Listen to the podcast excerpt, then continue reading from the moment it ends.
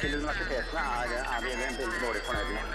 Og hvis du ser på hva de tar no more killing of innocent lives. Ja, det, den saken eh, tapte vi i Soria Moria-forhandlingene. Det var aldri Men hvorfor tapte dere når alle er enige om det? Eh, Nei, det var ikke så stor enighet som det det Jeg tror du møter den tradisjonelle brytningen mellom individets frihet og samfunnets ønske om beskyttelse. Lokalt, nasjonalt, internasjonalt. Nyhetsdialog går i dybden.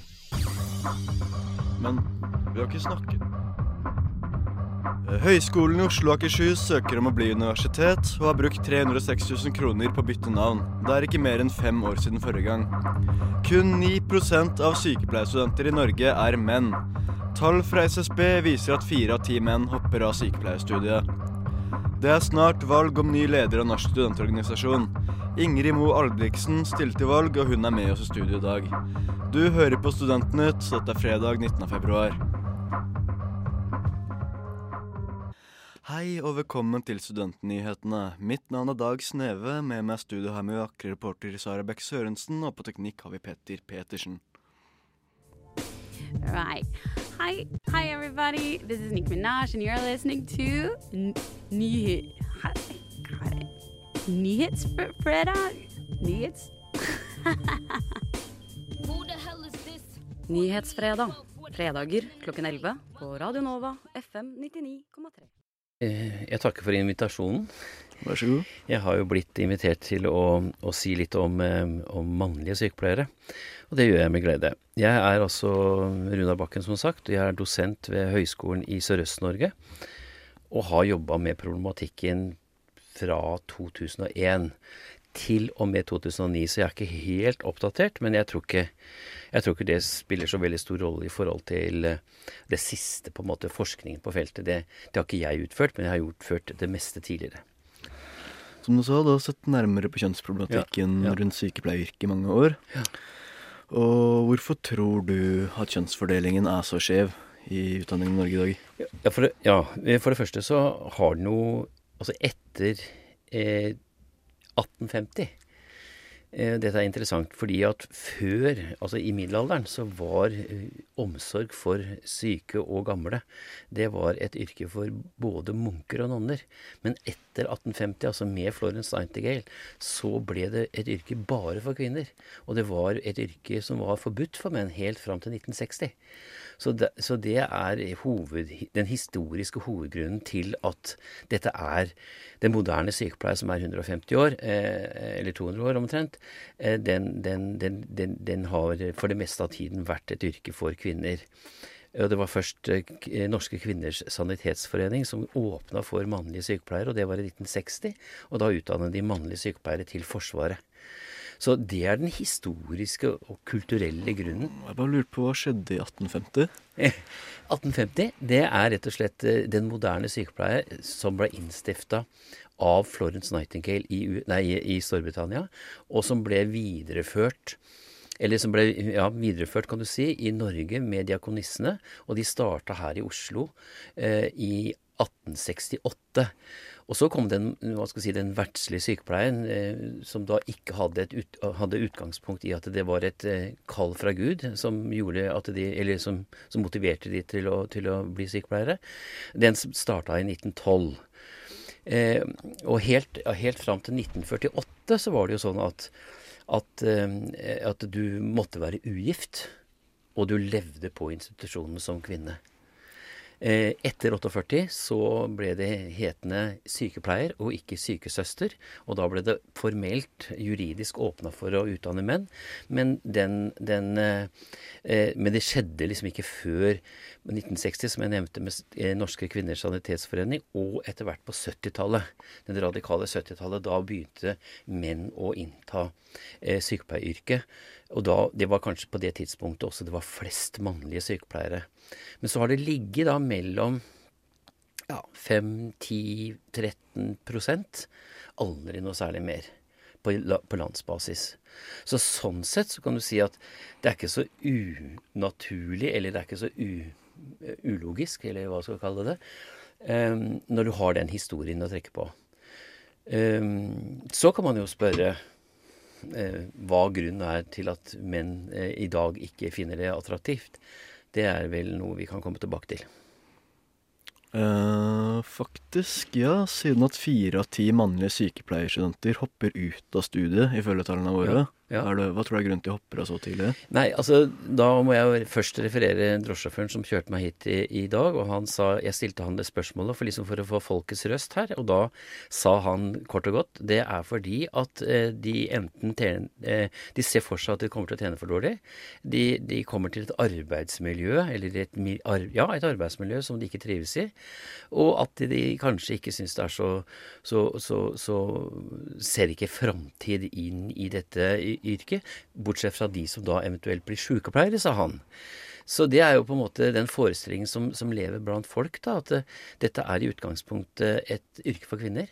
Spør du hvilken som helst på gata og, eh, og, og ber vedkommende se for seg når de Altså se bildet av en sykepleier, så sier de en hvit, norsk eh, middelklassekvinne.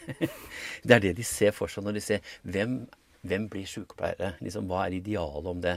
Og det, det tror jeg gjennomsyrer både utdanningen, og det gjennomsyrer praksisfeltet, og det gjennomsyrer folkedypet. Eh, ja, og da kan vi begynne å nøste i når da mannlige sykepleiere velger å bli sykepleiere på et eller annet tidspunkt kan, Jeg vet ikke om dette er førstevalget av studieplass eh, eller studieretning, men, allikevel, når de velger, så vet de jo på en måte at dette er et yrke som er dominert av kvinner. Men jeg tror allikevel at det møtet med den virkeligheten er allikevel så massiv at de, de, de, de mm, får litt eh, bakoversveis, altså. Um, og da har jeg jo nevnt tidligere at, eh, at eh, eh, hvis du tenker på lærerne de møter, de aller, aller fleste er kvinner. De aller, aller fleste veiledere ute i sykehus og ute i praksis er kvinner. Og de aller fleste kolleger er kvinner. Så sånn sett, hvis det blir spredt rundt på praksisplasser og så videre, så, så blir de veldig mye gående aleine. Ja. Eh, Men tror du det bare gjelder sykepleieryrket, eller kan vi se andre tendenser i andre omsorgsyrker, f.eks. vernepleiere og sånne? Det vet jeg ikke. Jeg vet ikke det. Jeg vet bare at frafallet i forhold til helsefagarbeiderutdanning, altså det som er på videregående skolenivå, der er også frafallet stort. Men om Jeg vet jo ikke nå altså Nå har det blitt sagt 40% frafall av mannlige sykepleiere. Det som hadde vært interessant er å vite også, det er jo eh, hvor mange kvinner er det som faller fra? For det åpner for en annen type diskusjon enn bare kjønn. For da går det på arbeidsbetingelser, f.eks. Eh, F.eks. at, eh, at eh, helsesektoren tar i bruk, eller har tatt i bruk, så omfattende deltidsstillinger. Og, og, og det er klart at når de ser for seg at de får ikke mer enn 18-20-25% stilling, så at det, utsiktene er ikke noe noe, noe, noe voldsomt eh, gode til å få en heltidsstilling, så, så kan jo det være en grunn i seg sjøl. At de ser at dette kan jeg ikke brødfø verken meg sjøl eller Jeg får ikke banklån engang på en så liten stillingsbrøk. Så, så det kan være mange grunner til at både menn og kvinner etter hvert faller fra. Men nå vet ikke jeg hvor mange prosent kvinner som faller fra, men det er også betydelig, faktisk. Sykepleierstudent Christian Imingen Skjellet fortalte til NRK at han opplevde at en kvinnelig sykepleier sa at menn bare dugde til å ta opp søppel og være på skyllerommet. Eh, Har du en oppfattelse om hvordan kvinnelige sykepleiere ser på menn i samme yrke?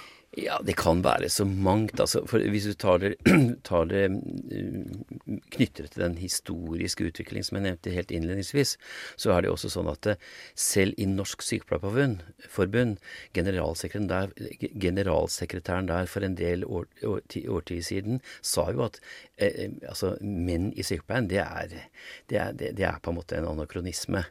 Så, sånn at vi har jo hatt ledere også i Sykepleierforbundet opp gjennom historien som ikke har sett, på, sett betydningen av, eh, av mannlige sykepleiere i det hele tatt.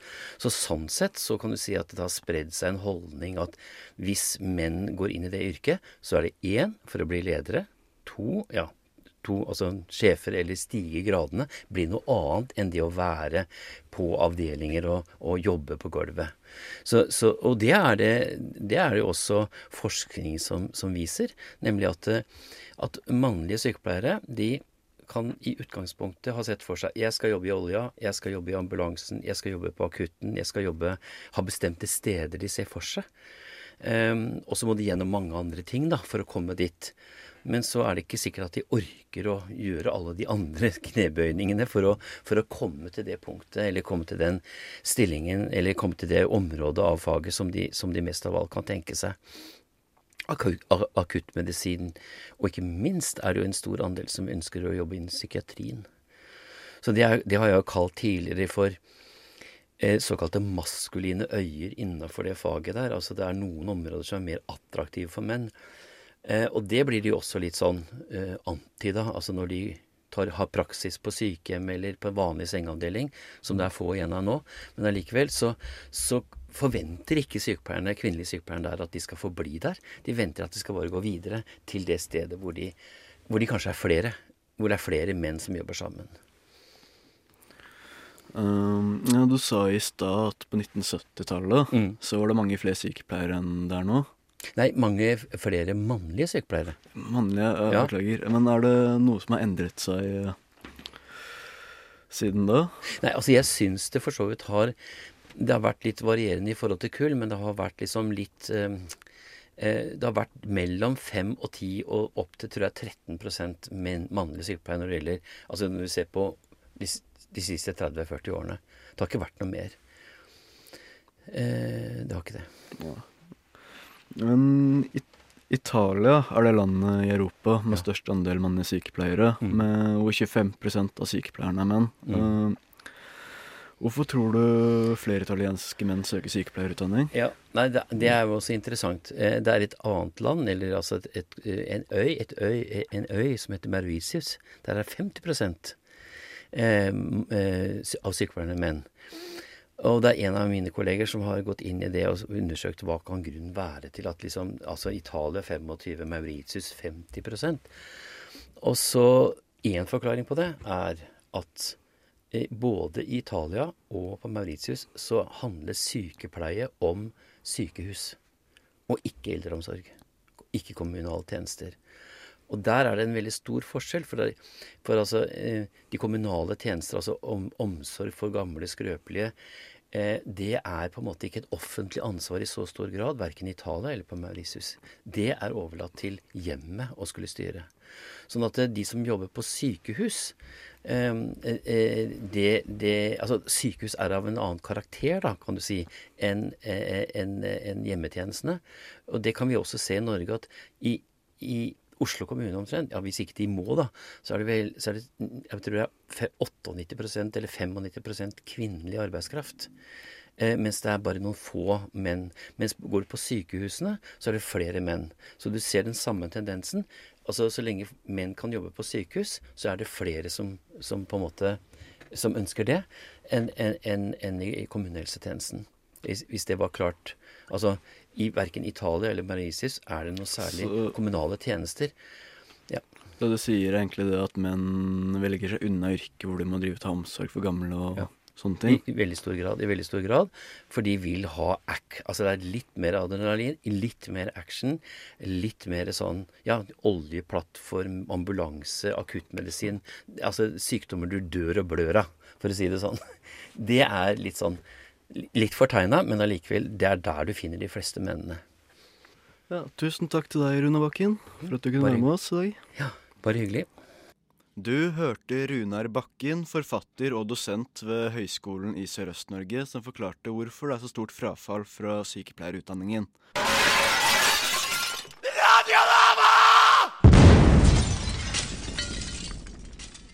Høgskolen i Kristiania vil prøve å bli universitet. Skolen har i den forbindelse behov for et nytt navn, og prislappen på navneforslaget kommer alene på totalt 306 000 kroner. Det er ikke lenger enn fem år siden skolen byttet navn sist, men nå kan det altså bli behov for en runde til. Med meg i studio har jeg besøk av Carl Fredrik Tangen, samfunnsgeograf, kommunikasjon og PR og førstelektor på Høgskolen Kristiania. Velkommen til deg. Takk.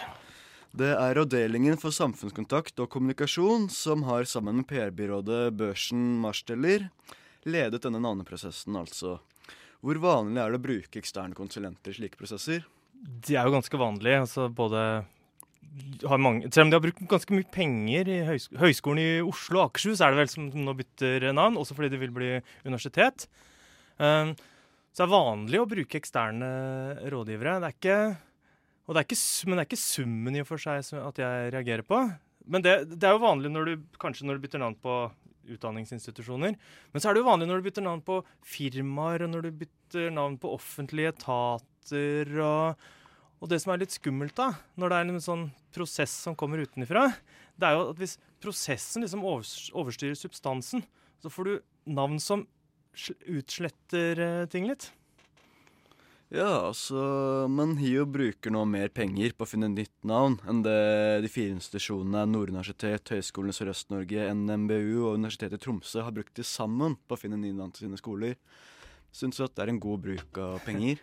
Jeg syns at diskusjonen om penger er litt uheldig. Altså fordi at det er, det er lite penger i forhold til hva de bruker. Og det er lite penger i forhold til hva de kommer til å bruke på organisasjonsutvikling når de skal kjøre sammen og bli universitet og Så jeg, jeg syns det er et annet sted da, hvor det virkelig er tuvlete tullete. Og, én ting som jeg reagerer på, det er at prosessen er sånn at alle skal komme med forslag. Sånn at det har vært hundrevis som da har blitt dratt inn til 70 navn, som, hvor alle skal liksom foreslå.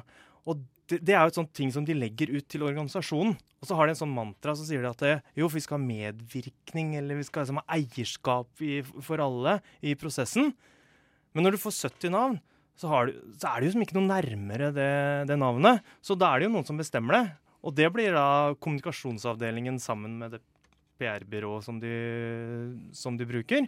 Så da later du som om de ansatte er eh, involvert, og så er de i og for seg ikke det uansett. Og dessuten så begynner du å diskutere det som så Det er så lett å diskutere navn. Det er sånn, hvis dere noen gang har prøvd å starte band, som dere sikkert ikke kom gjennom med, da, så rakk dere i hvert fall å diskutere navnet. Eh, Så, så, så, det, liksom så det er en type diskusjon som alle kan være med på. Og så driver du og diskuterer det, istedenfor selve den grunnprosessen som foregår nå. Så først at alle disse høyskolene, så Ingeniørhøgskolen, Lærerskolen og sånn som, som lå rundt i Oslo, Sosialhøgskolen, ble slått sammen. Så at de tok den svære deisen som da det blei i Oslo, og så slo de sammen den med Akershus. Og så skal det nå bli universitet. Altså, det er en sånn det er en prosess her. Så det er mange grunner til å protestere mot, og som har kosta mange, mange, mange, mange millioner. Og så, sånn at når du da begynner å diskutere er det smart å bruke noen hundre tusen på en navneprosess, så er det en veldig sånn medievennlig og fin uh, diskusjon. Og så glipper du litt på hva all verden er det de holder på med nå, med liksom utdanninga vår, med framtidas lærere, sykepleiere, altså framtidas profesjonsarbeidere. Og det er, altså jeg er veldig skeptisk til det, det de gjør. Og jeg syns navneprosessen er en sånn manifestasjon av noe som er mye mer skummelt. Så vi diskuterer egentlig bare toppen av isfjellet her, altså. Men er det er det liksom noe en høyskole har behov for i utgangspunktet å bruke eksterne konsulenter? Er det ikke bedre å bruke en kompetanse som allerede er? Jeg, jeg skulle ønske at de hadde navn som sa noe om hva de holdt på med, altså lærerskolen. Eh, Kanskje hvor de holdt til en. Landbrukshøgskolen i Ås syns jeg liksom er kjempefint navn. da. Dette driver vi med, dette holder vi på med. I Oslo før så hadde du to lærerskoler. Du hadde Oslo eh, lærerskole, som var som kristen. Han Hallesby, han med helvetesdebatten, han jobba der. Og så hadde du Sagene lærerskole. Og den var det enda mer sånn spesifikt da, hvor, den, eh, hvor den var. Den måtte jo hente noe annet fordi Oslo fantes. Og den var liksom progressiv. Der jobba Anna Setne, som drev med sånn eh, progressiv pedagogikk og gruppearbeid. Og så fikk du, altså, du fikk to skoler. Du skjønte litt hva de var. De het det der de var. De kunne stå mot hverandre ideologisk. Og så, i løpet av noen år, så har du fått en sånn massiv greie som ikke har noe pedagogisk grunnsyn, som ikke står for noe faglig. Som, altså, og det er jo derfor de må lage et sånt ullent navn uh, på det også. Og da blir de bare en sånn der mindreverdig versjon av Universitetet i Oslo. Det trengs universitet òg. Det trengs et universitet som, som har alt. Men det du ser, er at det som er bra på universitetet, det blir også tydelig i seg sjøl. Altså, medisinstudiet tenker ikke på at det ligger liksom under Universitetet i Oslo. Det er medisin, eh, jusstudiet. Og så er det liksom alt det andre. Det blir en del av universitetet i, i Oslo. Så for å klarifisere litt her, du mener det blir altfor likt universitetet vi har fra før? Jeg mener at høyskolen bare går med på en sånn overordna logikk som har rulla de siste tiårene, som er som New Public Management-ideologien. Altså Hvor næringslivets måte å tenke på blir tredd ned på, um, på all utdanningssystem. Jeg mener at de mister altså For eksempel, hvis du ser på universitet versus høyskole i Norge, så ligger det nesten bak der. Så ligger eh, folkeskole versus eh, katedralskole. Og så ligger liksom universitet versus lærerseminarer. altså motbevegelse versus borgerskap, eller noe, noe sånt. Som, det også gir en dynamikk og en type konflikt i samfunnet. Så sier alle nå skal NOKUT bestemme, altså det som kontrollerer utdanning, hvordan dere skal være. Alle skal slå seg sammen. Og så vil alle være universitet, for det blir liksom plassert lavere i et eller annet hierarki hvis de er høyskole i, i stedet. Og istedenfor at, at de står for noe kvalitativt annerledes, altså vi utdanner fagfolk, dere forsker mer, så så blir, de, så blir, det en sånn, litt sånn dårligere versjon. Og det, det tror jeg da, at uh, det som er Høgskolen i Oslo og Akershus, de vil enda klarere blir en liksom speile universitetet som en litt dårligere versjon av det når det blir uh, universitet. Og så fordi de kommer til å famle, så kommer de til å få et navn som gjenspeiler den famlinga, og som kommer til å gjøre det mer utydelig istedenfor mer tydelig hva de er. Det er veldig interessant du tar opp det med ny public management. Skulle gjerne snakket mer om det en gang vi har bedre tid, men uh, får komme tilbake igjen til den navneprosessen. Tror du ikke det hadde vært bedre hvis du bare samlet alle som jobber på skolen, og så hadde en håndsopprekning om de beste navnene? Jeg syns jo at det undergraver litt uh, ekspertise på den ene sida. Altså at du legger det ut til uh, demokratiet. Så løfter du fram ekspertise ved at du bruker Burson Marsteller. Men det jeg er redd for at Burson Marsteller ikke klarer her, det er å forstå det spesielle systemet som en høyskole bør være, som profesjonsutdanning bør være. Og Derfor vil du titte på altså, det som før var Veidekke, det som før var uh, A-etat så, så, vil jeg si at det liksom blir, uh, det blir litt, sånn like navn. Det blir Nav og altså, hva, hva det nå heter for noe. Høgskolen i Ås, hva heter, het, Landbrukshøgskolen i Ås, hva heter den nå? NMBB, altså, det, det, vil bli et eller annet sånn som det ikke går an å få, ta, å få tak i, som blir resultatet av prosessen. Ellers blir det Norges profesjonsuniversitet. og det hadde de ikke trengt oss å ha prosess for å finne ut. Ja, Nå må vi videre for i dag. Tusen takk for at du tok deg tid til å komme hit, Karl Fredrik Tangen. Takk.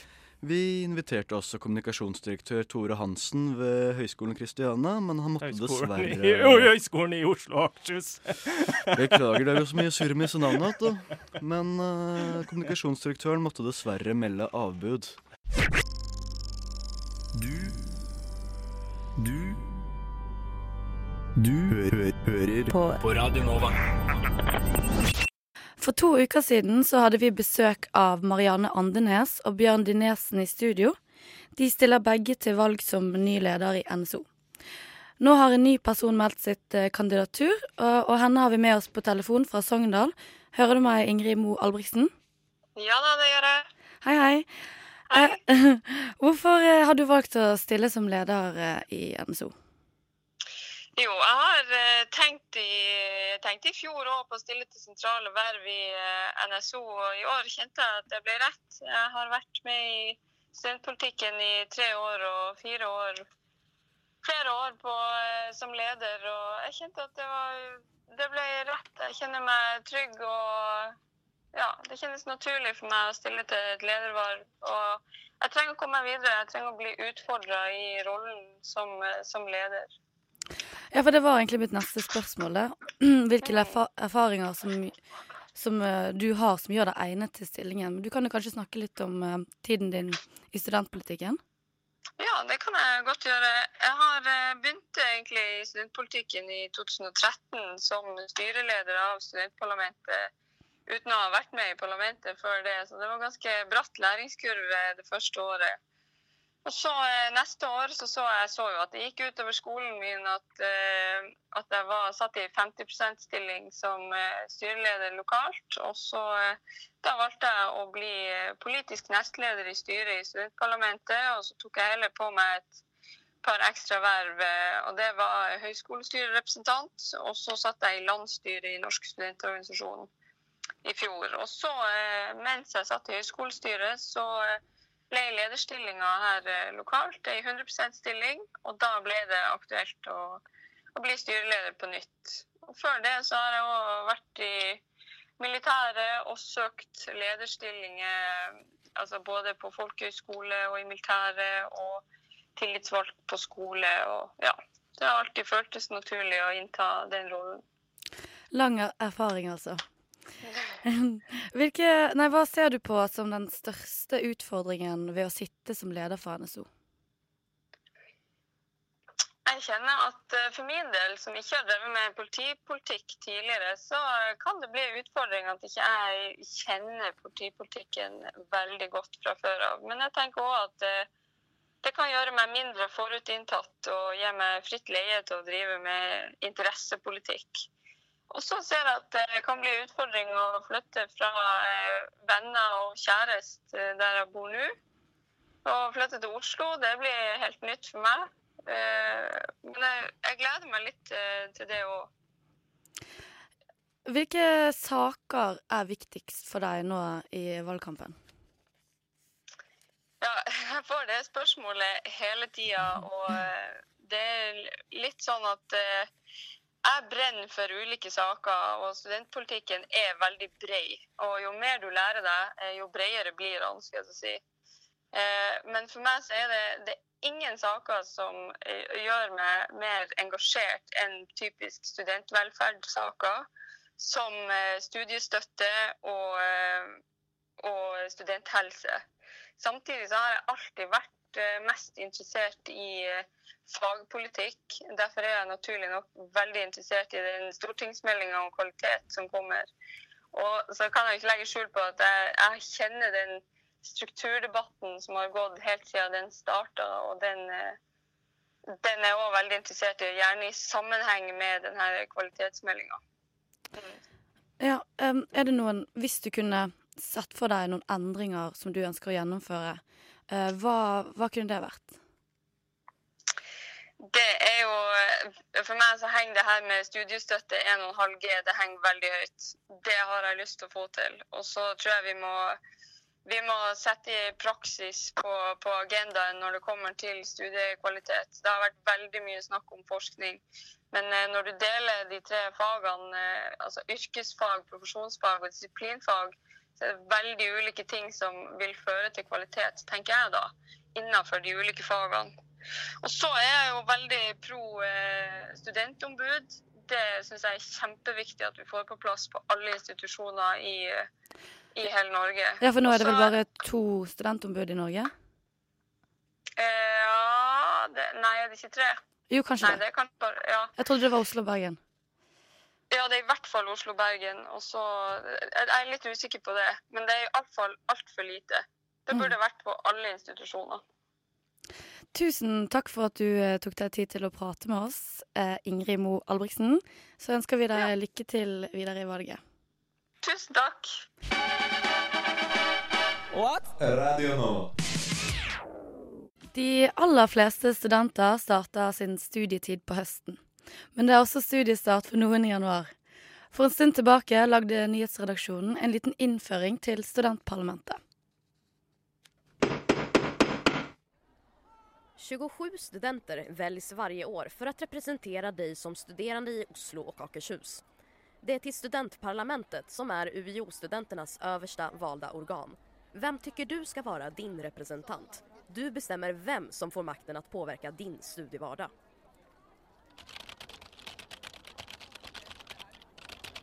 Studentparlamentet sitter i olika råd och utval på UiO.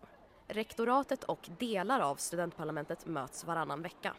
Där skrivs så bland annat en sakslista om vad som behöver diskuteras. Utväxling, bättre studentuppföljning, digitalisering av examiner och undervisning var några av sakerna som studentparlamentet jobbade med i fjol. Det är också studentparlamentet som väljer ut representanter till välfärdstinget där beslut fattas om SIOs välfärdstillbud på områden som träning och boliger. Studentparlamentet jobbar tillsammans med UiO och andra institut, program och de olika studentutvalgen från fakulteterna. De möts en gång i månaden. Mötena är öppna för alla och alla har möjligheten att framföra sin sak. Studentparlamentet avgör vad NSO ska mena i möten med media, utbildningssektorn, kunskapsdepartementet och regeringen. Parlamentet består av 35 personer, varav 27 är valda från listor. De olika listorna har olika meningar och intressen och du har möjligheten att rösta för vilka du syns borde representera dig i studentpolitiken. Innslaget du hørte, var laget av Emmy Cartolano.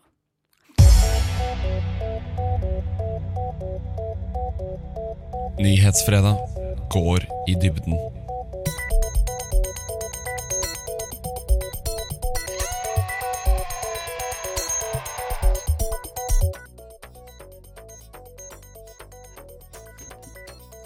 Studentnyhetene er dessverre slutt for i dag, men vi vil rette en stor takk til dagens gjester. Og takk for oss. Mitt navn er fortsatt Dag Sneve, og med meg i studiet hadde jeg reporter Sara Beck Sørensen og tekniker Petter Petersen. Men nå skal du få høre noen visdomsord fra ansvarlig redaktør i Radio Nova, Bjørnar Haugerud.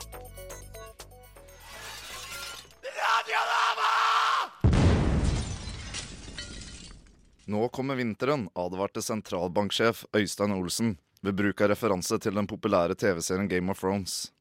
Vinteren er allerede her, sier nå jeg. Det sentralbanksjefen har fått med seg, er at det er slående mange likheter mellom verdenssituasjonen og Game of Thrones. Det som er den mest fallende og slående likheten, er mentaliteten at det er alle mot alle.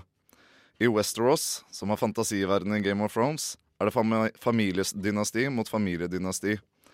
Det er tilsynelatende kun desperasjon om å herske, det er ikke mangel på ressurser som er utslagsgivende for at den verden ei eller har verdensfred.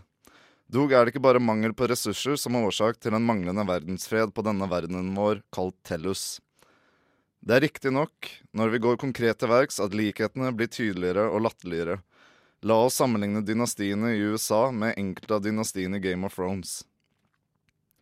Det er åpenbart hvem som er The Mad King, ingen ringere enn Donald Trump. Det er ikke bare fordi begge skal være blondiner, men blir Donald Trump president, og man skal omtale hans presidentskap, så vil han bli omtalt som The Mad President. Cersei har skjulte intensjoner overfor hvem enn hun treffer på. Hun er en jævel av en løgner. I Tellus har vi Hillary Clinton. Det er umulig å, er umulig å ikke finne eh, egentlig hva den sistnevnte står for. Litt som Arbeiderpartiet i norsk asylpolitikk. Men både Hillary Clinton har en politisk agenda som er gjennomsyret av intensjoner som ikke er gode enn annet for enn seg selv. Bernie Sanders er Tellus sitt svar på Tyrion, den lille, smarte og vise mannen. Begge kjemper en kamp mot etablerte og det mektige. De begge vet at de kommer til å tape fordi deres visdom ikke passer inn i en verden hvor fornuft og rasjonalitet er det første redskapet som blir brukt for å løse en utfordring. La oss ta blikket vekk fra USA. Hvem er Putin i Game of Thrones? Det må være Stannis Baratheon. Begge innehar, innehar et su superobskurt macho inntrykk. Stannis er villig til å drepe sin bror og ofre sin datter, og til likhet er Putin villig til å gjøre hva enn nødvendig for å beholde makten i Russland. Hva med Kina? Xi Jinping er for anonym til å være en karakter i Game of Thrones. Men det er ingen tvil om at Kina er the, bank, the Iron Bank of Bravos. Alle låner penger ut til de i Game of Thrones. Akkurat sånn som alle låner penger av Kina. Hvilke andre likheter har vi? Jo, i Game of Thrones er det jo snakk om den vinteren som angivelig vil komme. For Teller sin del så er det ikke lett å avgjøre om det er en skikkelig helvete økonomisk krise eller klimakrisen det er snakk om. Felles for dem begge er at de ikke spiller på hvilket dynasti du tilhører, eller hvilken økonomisk tilstand du er i. Overkjørt skal vi bli. Så hvem er den gjeve borger i uh, Tellus til sammenlignet med Game of Thrones? Jo, det er ingen ringere enn Joffrey Lannister. Lannister. Ja, jeg tenker på den selvopptatte drittungen du gjerne kunne likt å ha sett hodet på til en stake. Denne generasjonen vi har i Tellus i dag, er, jo Joffrey Lannister. Vi er sykt opptatt av oss selv. Uh, når turister drar opp, uh, drar opp delfiner fra strendene i Argentina for å ta selfies, og følgende blir at delfinen dør, er vi minst like selvopptatte som den maktsyke drittungen Joffrey Lannister. Til likhet med Westeros har Tellus hatt lange og kalde vintre før. Til forskjell har vi nå x antall tusen lærebøker satt på trykk for at vi skal lære av feilgrep i forkant av en lang vinter. Kjennetegn som forekommer før en vinter i Tellus, som f.eks. fremmedfrykt, arbeidsledighet og desperasjon etter ledere som er villige til å bruke ukonvensjonelle midler, er for lengst til stede. Spørsmålet er om vi kan unngå en lang vinter, i motsetning til Westeros. Sette til side våre feider, opphav, berømmelse, selvopptatthet, kynisme og intriger for at denne vinteren ikke blir kaldere enn det må.